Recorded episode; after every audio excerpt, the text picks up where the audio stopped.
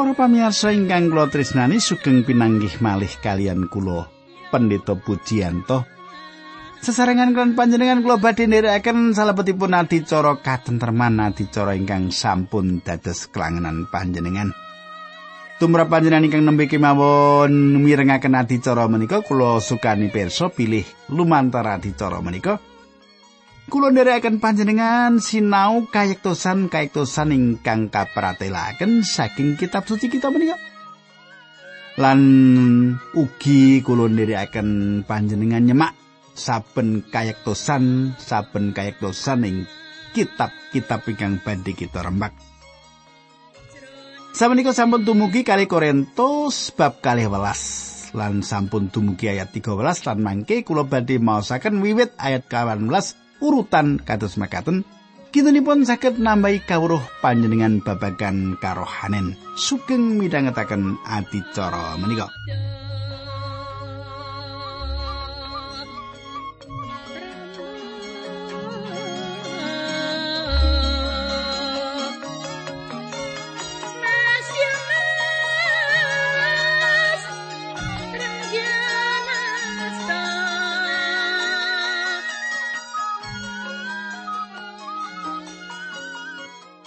Para pamirsa ing pepanggen kepengker kula ringkes kemawon kita sampun nyemak kados pundi Paulus meratelaken bilih piyambakipun sampun mbuktekaken bilih saestu-estu piyambakipun menika rasul. Lajeng kados pundi kadang kula kita badhe lajengaken nanging kita abadi tetunggu langkung rumiyin. Duh Kanjeng Rama ingkang adhedhampar wonten kraton ing kasuwargan kawula matur nuwun menawi saben-saben kawula saged tetunggilan kalian sedherek kawula. Ingkang setya tuhu midhangetaken adicara menika. Berkahi Gusti linambaran asmanipun Gusti Yesus Kristus kawula ndedonga. Haleluya. Amin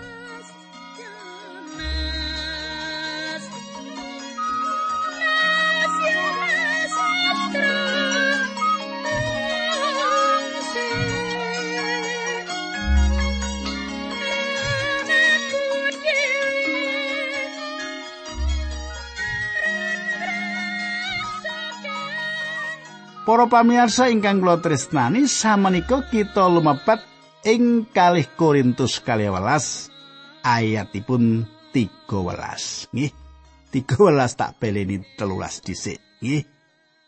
Paulus gada rancangan nuweni pesamuan ing Korintus. Nggih ayat 13 lan 18 Sebab kekuranganmu apa? Yen ketanding karo pesamuan-pesamuan liyane kejaba mung sak prakara yaiku menawa aku dhewe ora nganti dadi gawimu enggonku ora adil iki apuranen. Satemene iki wis kang kaping telune enggonku cecawis arep nemoni kuwi. Lan aku ora bakal dadi gawimu awit dudu barang darbekmu kang ndak goleki nanging kowe dhewe. Merga dudu anak-anak kang padha wajib nglumpukake bondo kanggo wong tuane nanging wong tuwa kanggo anak-anake para pamirsa Paulus menika bapa kasukmanipun pesaman Korintus. Paulus nuntun tiang Korintus dumateng Sang Kristus lan ngedekaken gereja ing mriku.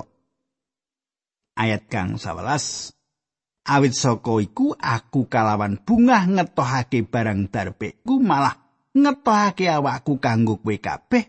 Dadi menawa aku banget tresnaku marang kowe, mosok iya saya suda anggonku ditresnani. Kadang kula Paulus meratelaken dumateng pesaman ing Korintus dadi menawa aku banget tresnaku marang kowe. Masa iya saya suda anggonku ditresnani. Kapirengipun kados panggresula toh nanging Sang Roh Allah ngemutaken kanthi keras.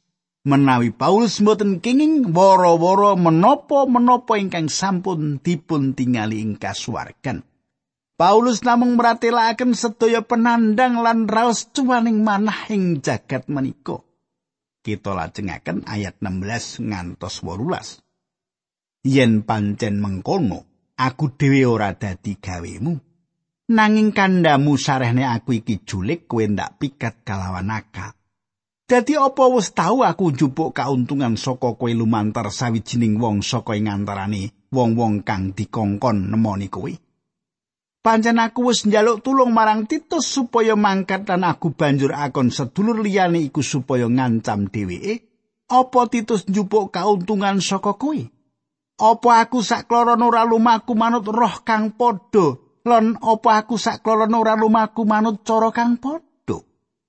Para pamiyasa, Paulus mboten ginakaken cara-cara ingkang canggih pun mucalaken pangandikanipun Gusti kanthi cara ingkang gampil dipun tampi. Paulus mboten ngintun tiang sana sasampunipun pun supados mendet untung saking pasaman Korintus. Orang utus sopo-sopo. Ayat 19 lan kalih dosa Wus anggonmu padha ngira menawa aku bakal benerake awakku dhewe ana ngarepmu nanging aku kondo ana ing ngarsane Gusti Allah lan demi Sang Kristus yen kabeh iku sedulur-sedulur kang kinasih tumindake kanggo mbangun percayamu. Awit aku sumelang menawa besok semasa aku teko kowe ora padha tinemu kaya kang ndak karepake lan kowe ketemu aku ora kaya kang padha kok karepake. Aku sumelanging bab anane pasulayan kamerenan brangasan mung mikir awake dhewe pitenah panyatur ala kumentus lan rusuh. Katang kula. Perkawis-perkawis menika ingkang Paulus kajengaken saged dipun panggihaken ing salebetipun gereja menawi piyambakipun dumugi ing mriku. Pasamuan menika saestu ngajeng-ajeng Paulus. Paulus saestu ngajeng-ajeng pesaman menika nanging menapa ingkang dipun panggihaken dedebatan lan bebantahan. Kula njegur wonten ing peladosan sampun mataun-taun. Lan samenika kula wonten ing papaning pundi kula mboten remen dedebatan. Kala-kala kula nampi serat saking salah satunggal sederek ingkang mirengaken adicara menika.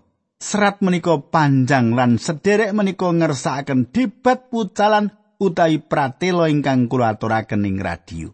Kadang kula Monggo menawi panjenengan badhe tetep cepengan menapa ingkang panjenengan yakini lan panjenengan donga akan menawi kula lepat. Kula saged dipun pimpin Sang Roh Allah ing kayektosan. Panjenengan boten badhe saged nyakinaken kula kanthi serat ingkang panjang.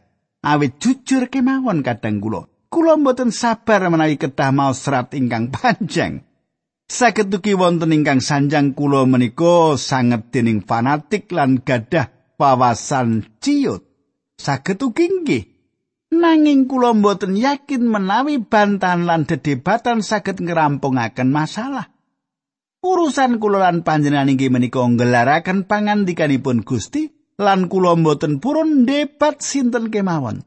Kita kula mucalaken pangandikanipun Gusti kados kula mucalaken kitab suci menika sakwetahipun. Gitu nah Salajengipun tembung gumunggung kula asring tangkep menapa ingkang dipun kajengaken Paulus. Saged keterangan ingkang saya piyambak ingkang dipun cedhakaken Dr. H. A. Ironside piyambakipun meratelaken lan menika ngimutaken kodhok ingkang mlendungaken wetengipun lan lenggah wonten ing pinggiring lepen utawi kolam. Kodhok menika ketinggal langkung ageng tinimbang ingkang biasanipun. Salajengipun menapa ingkang dumados panjenengan uncali selo dateng kodhok menika. Sampun tentu piyambakipun badhe alit malih lan mlebet ing toya. Tembung ingkang pas kangge nyetakaken gumunggung inggih menika anggen kita gumudhe. Wonten sawetawis tiyang Kristen ingkang gumedhe. Lajeng tembung rarusuh inggih menika perkawis ingkang dumados ing salebetipun gereja. Kelompok alit gabung dados tunggalan nuwuhaken perkawis. Tiang-tiang menika nyebaraken serat panyuwun kangge dipun tapak astani lan sajenis ngaten menika inggih menika saged dados jalaran tumadosipun rerusuh. Kula lajengaken ayat selikur. Aku semelang menawa aku teko meneh Allahku bakal ngesorake aku ana ing ngarepmu sarta aku bakal ngrudatin awit dening wong akeh kang ing wektu kepungkur padha nglakoni dosa lan aku bakal susah banget mergo anane wong akeh kang dek biyen padha nglakoni dosa mongko durung bertobat ninggal pegawe kang jember laku jino lan pambluntah padha dilakoni kadang kula Korintus menika satunggalipun kita ingkang najis kita Korintus menika dados punjering kita kekaisaran Rom Korintus saged dipun sebat kita kebak dosa. Kados kita-kita ageng sanesipun. Kita menika dados papan tujuan tiang-tiang dosa. Panjenengan sing pundi dosa luber-luber, sih rahmat langkung luber-luber malih. Nanging kasunyatan menika adamel tiang-tiang Korintus nganggep enteng perkawis-perkawis ingkang kebak dosa. Sampun tentu menapa ingkang kula aturaken menika mboten satunggalipun kegambaran ingkang semakan manah kegayutan kalian gereja. Inggih to? Kula yakin sasampunipun sinau serat kentunan menika panjenengan gadah penggali.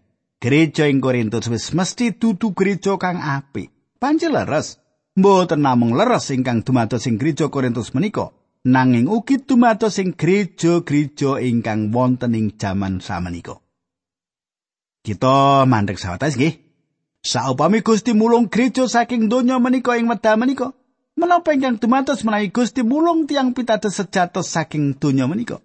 Kita pitados mangsa kasangsaran ageng sampun dipun wiwiti. Salah satunggal perangan saking mangsa kasangsaran ageng nggih menika boten wontenipun gereja ing jagat menika. Gereja ing medasa menika inggih menika uyahing jagat lan pepadanging jagat lan Sang Roh Suci manunggal ing salebetipun gereja ing jaman samenika. Menapa jagat menika tambah sae menapa tambah won kadang kula. Sawetawis tiyang gadah pemanggih gereja mboten majokaken jagat. Awit jagat samenika langkung awon tinimbang 1900 tahun kepengker. Kula mal sing salebetipun kalih Timotius 3 ayat 13 makaten pratelanipun. Dene wong ala lan culika iku bakal saya wuwuh halani padha disasarake lan nasarake. Para pamirsa, nanging boten dipun ngendikaken bilih jagat menika tambah awon. Dipun ngendikaken ing mriku bilih tiang awon badhe tambah awon. Manut kula menika ateges tiang-tiang tambah awon ing gesangipun dipun susul kalian turunan selajengipun. Para pamirsa, jagat samenika radi langkung sae ketimbang 1900 taun ingkang kepengker. Awit ing medal menika jagat nindakaken dosa ingkang boten kaapunten. Kanthi makaten Gusti Yesus paring pangandikan, Gusti Yesus tumuli munjuk duh Rama. Tiang-tiang menika mugi paduka apunten amargi sami boten mangertos menapa ingkang dipun tindakaken. Pangagemi banjur kaadum-adumake srana kaundi. Lukas 13 ayat 3 dosa sekawan. Para pamirsa tiang-tiang kala wau nyalipaken putra Allah. Kula ngakeni bilih jaman samenika kanthi penapi king dumateng Gusti Yesus Kristus sami kalian nyalipaken panjenenganipun malih. Dosa ingkang paling ageng ing jagat menika inggih menika nampik dumateng Gusti Yesus. Jagat ing saben turunan lepat ingkang kados makaten menika. Gusti Yesus ngendika bilih ing wekdal Sang Roh Allah rawuh panjenenganipun badhe paring paukuman jagat ingkang kebak. Bab dosa amarga padha tetep ora percaya marang aku. Yohanes 16 ayat 9. Kata sanget dosa ingkang awon. Nanging dosa ingkang awon piyambak inggih menika nampik dumateng Gusti Yesus Kristus. Piyawon ingkang ageng piyambak ingkang dipun tindakaken wonten ing jagat menika inggih menika anggenipun jagat nyedani putranipun Allah ing wedal kepengker. Jagat ing wanci menika tasih sami awonipun, sami najisipun, sami kecemipun lan sami alanipun kados rumiyin. Para pamirsa, kula matur bilih jagat jaman samenika. Satunggalipun papan ingkang langkung sae kangge mbangun keluarga dipun banding 1900 tahun ingkang kepengker. Kita samenika saged gesang langkung sekeco. Kathah perkawis ingkang saged nglampahi gesang menika langkung gampil lan langkung sae dipun bandingaken 1900 tahun kepengker. Nanging kita perlu mangertos kanthi cetha bilih gereja mboten nate gadah tujuan nanem kembang wonten ing ororo samun. Gereja menika namung ngumbara. Lewat kemawon inggih menika ngelaraken pangandikan lan dados seksi. Inggih menika ingkang dados tujuan gereja ngantos selami laminipun. Katang kula, gereja menika warganipun kedah gesang suci konjo Gusti Allah. Kedah gesang konjo Allah. Kulo gadah pangajeng-ajeng nedahaken gereja menika lan saged sanjang pilih gereja menika sampun nindakaken lan kados menapa ngidapi-dapipun gereja menika. Gagalipun gereja ing perkawis menika dados salah satunggalipun sebab kenging menapa tiang boten patos ngorong dumateng pangandikanipun Gusti. Lan menika kedadipun singkiri dening gereja panjenengan kula. Gereja kathah repot kalian perkawis-perkawis saking lebet. Nanging perkawis samenika mboten ngrisak kasunyatan bilih gereja menika satunggalipun golongan tiang ingkang dipun si Gusti Yesus Kristus. Panjenenganipun maringaken sariranipun kangge gereja lan panjenenganipun nyucakaken gereja menika. Panjenenganipun panci saged nyucakaken lan panjenenganipun saged andadosaken sedaya tiang pitados lan dados keparingipun Gusti Allah. Sinaosa kita tebih saking ingkang kedahipun kita kedah tumuju dhateng ing mriku. Kadang kula ing mriki ing salebetipun serat kintunan Paulus dumateng pesaman Korintus kita nampeni wawasan kekayutan gereja ingkang wonten ing kita paling awon ing salebetipun kekaisaran Rom kahananipun awon sangat Kula mboten remen menawi dipun ngendikaken bilih gereja mboten wonten daya pengaruh babar pindah ing jagat sakiwa tengenipun. Ketingalipun gereja namung nyukani daya pengaruh ingkang alit nanging kados samenika menawi tiang-tiang mursid kapulung saking jagat menika pramila jagat badhe tambah risak. Para pamirsa kita ngancik ing pasal 13. Ira-iranipun pasal 13 napa kadang kula pangesahan lan riring kesan saking kalanggan rasul inggih menika Paulus. Kula wasaken ayat setunggal. Iki kang kaping telu nianggonku nemoni kowe saing prakara iku menawa wis ana keterangane saksi loro utawa telu katang kula. Paulus ngangsuli menapa ingkang dipun pratelakaken sadaringipun Paulus badhe kisah dhateng Korintus singkang kaping tiganipun kangge nindakaken kalangganipun minangka jejeripun rasul. Samukawis badhe dipun buktakaken wedal piyambakipun wonten ing mriku, samukawis kedah dipun bika. Paulus badhe makarya minangka jejeripun rasul lan piyambakipun badhe nedahaken bukti anggenipun lenggai kalenggan rasul kanthi pangwosipun Sang Kristus ingkang makarya ing salebetipun karingkianipun Paulus. ayat kali. Para wong kang ing wektu kang kepungkur padha nglakoni dosa lan sake wong liyane wis ndak kandhani luwih dhisik lan bakal ndak kandhani sepisan kas. Saiki sadrone aku atuh karo kowe kabeh padha kaya nalika tekaku kang kapindho menawa aku teka meneh aku ora bakal ngiman sapa wae. Mergo kowe kepingin tondo yekti yen Sang Kristus ngendika lumantar aku lan panjenengan iku ora apes ana ngarepmu malah nindakake pangwose ana ing antaramu. Katanggula Paulus sandukeni pesaman Korintus sing salebetipun karinggian nanging pangandikanipun Gusti kiat lan ngribah pesamuan ing kita ingkang sakit awit dosa menika.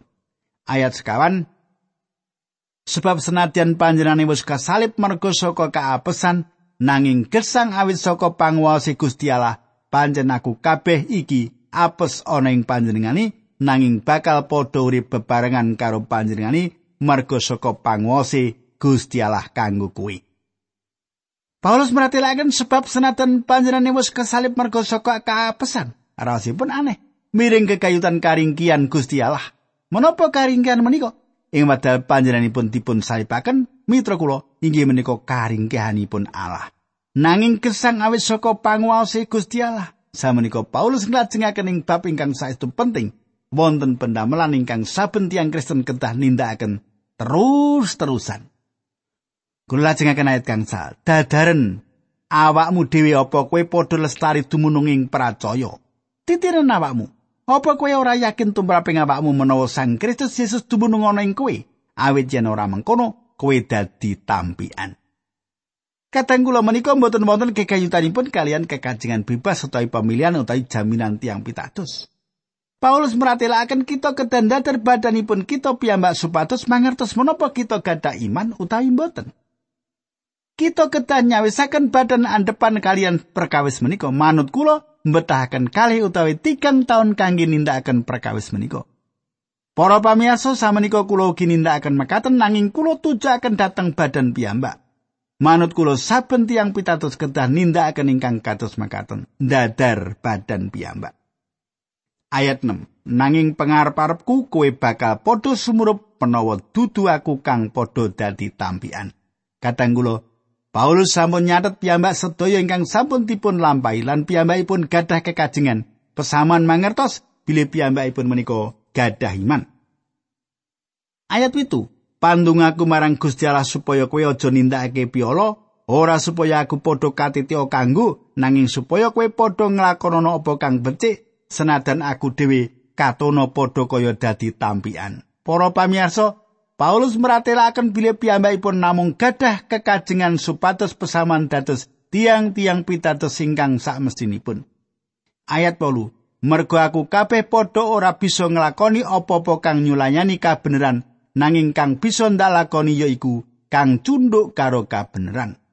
Para pamirsa, menika satunggalipun kaektosan ageng sanesipun ingkang kedah kita gatosaken saestu. Kadang kula panjenengan boten saged tumindak menapa-menapa lumawan kayektosan. Inggih menika jalaranipun kenging menapa kula boten kuatos dumateng tiyang ingkang boten sak pemanggih kalian pangandikanipun Gusti. Tiang-tiang menika saged tumindak menapa kemawon kangge lumawan kayektosan. Kita kedah martosaken pangandikanipun Gusti lan boten nelasaken wekdal kangge mbela pangandikanipun Gusti menika. Gusti Allah boten dawuh dumateng kita mbela pangandikanipun Gusti. Panjenenganipun dawuh supados kita martosaken pangandikan menika lan gelaraken pangandikan menika. Ayat songo, awit aku padha bungah menawa aku apes lan kowe padha rasa dene kang padha ndak suwun yaiku supaya kowe dadi sempurna. Para pamirsa supaya kowe dadi sempurna. Mboten ate kesempurna kados ingkang kita pikiraken. Leripun tembung sempurna inggih menika kita dadosa dewasa. Paulus gadah pengajeng-ajeng sepatus persamaan dados tiang-tiang Kristen ingkang dewasa. Paulus gadah kekajengan persamaan tubuh ing salebetipun seramat lan kapro kekayutan Gusti Yesus Kristus. Kita tasih mireng pratelo menika ngantos menika apa kowe ora bisa duwe patrap dewasa. Inggih kados makaten menika ingkang dipun sanjangaken Paulus dumateng pesaman ing Korintus mindak-mindak ing salebetipun Sang Kristus. Para pamirsa kita lajengaken ayat sedoso. Makatan surasipun yaiku sebabe anggonku sepisan iki nulis saka ing kaduan supaya menawa aku mengkono ing antaramu aku ora kepeksa tumindak kereng miturut wewenang lan kaparingake dening Gusti marang aku kanggo mbangun ora kanggo ngrusak. Kadang kula Paulus rumaos bingah awit saged nyerat dumateng pesamuan menika ing wekdal semanten. Paulus nyerat kanthi tujuan bangun tan boten ngrisak. Ringkesipun kekayutan kalengan rasul, kekayutan kerasulanipun Paulus. Ayat 11. Usana para sedulur padha bungao, udinen supaya awakmu sempurna tanpa nono saking pituturku, padha disarujuk lan padha ulao atut rukun. Teman Gusti Allah ing sih katresnan lan katentreman rahayu bakal nunggil karo kowe. Para pamirsa sepindah malih Paulus meratilaken udinen supaya awakmu sampurna. Diripun inggih menika supaya kowe dewasa. Mandek angenipun dados bayi-bayi Kristen. Inggih menika ingkang saged dipun pratilaken dumateng tiang-tiang pitados ing wanci menika. Padha olao atut rukun. Paulus mangsuli malih tembung ingkang dipun ginakaken ing wedal wiwitan seratipun. Inggih menika babakan panglipuranipun Allah. Emot leripun inggih menika mitulungi Leripun Gusti Allah inggih menika panjenenganipun ingkang dipun suwun wonten ing sanding kita supados mitulungi kita. Ngagengaken manah kita. Gusti Allah ngersakaken mitulungi panjenengan ing wekdal menika.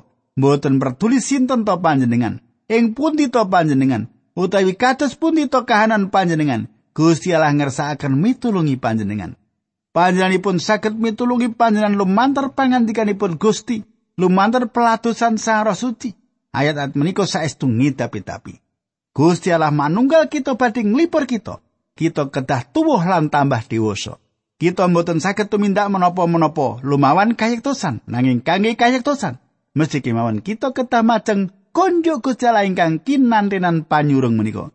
Padha disarujuk deripun gadah penggalihipun Sang Kristus. Padha olao atut rukun, kita mboten saged nyiptakaken tentrem rahayu nanging kita saged gesang ing salebetipun atut rukun. Teman Gusti Allah tu ing sih lan tentrem rayu bakal nunggil karo kowe. Inggih menika tentrem rayu saking Gusti Allah ingkang nglangkungi nalar kita. Inggih menika tentrem rayu ingkang Gusti Allah nyipta kanthi rahing salib. Kita kedah gesang ing salebetipun karukunan kalian tiang sanes jaman samenika. Kita kedah abingah-bingah atas kawilujengan kita. Teman Gusti Allah tu ing sih katresnan lan tentrem rahayu bakal nunggil karo kowe. Ampun nate supaya akan babakan menika. Panjenengan boten piyambakan Gusti Allah nunggil panjenengan wedha menika saestu ngeram-eramaken. Ayat 12 lan 13. Siramate Gusti Yesus Kristus lan siye Gusti Allah tuwin patunggilan Sang Roh Suci ana ing kowe kabeh. Nalika piyambakipun meratelaken berkah Trinitas nunggil kowe kabeh tembung menika kalebet kita. Lan sesarengan kalian tiang-tiang ing salebetipun gereja Korintus. Kita kedah abing-abinga ing samukawis singkang kita gadai wonten ing salebetipun Sang Kristus Yesus. Sehipun Gusti Allah tuwin patunggilanipun Sang Roh Suci, kados pundi kita dados seksi mboten namung dumateng jagat nanging ugi dumateng gereja piyambak. Para pamirsa monggo kita tumungkul kita ndedonga. Kanjeng Rama swarga kawula matur nuwun menawi. Ing wanci menika kawula saged tetunggilan lan sampun ngaturaken berkah-berkah saking paduka lumantar ayat-ayat pangandikan paduka. Berkahi kawula Gusti dinambaran asmanipun Gusti Yesus Kristus kawula netunggal haleluya. Amin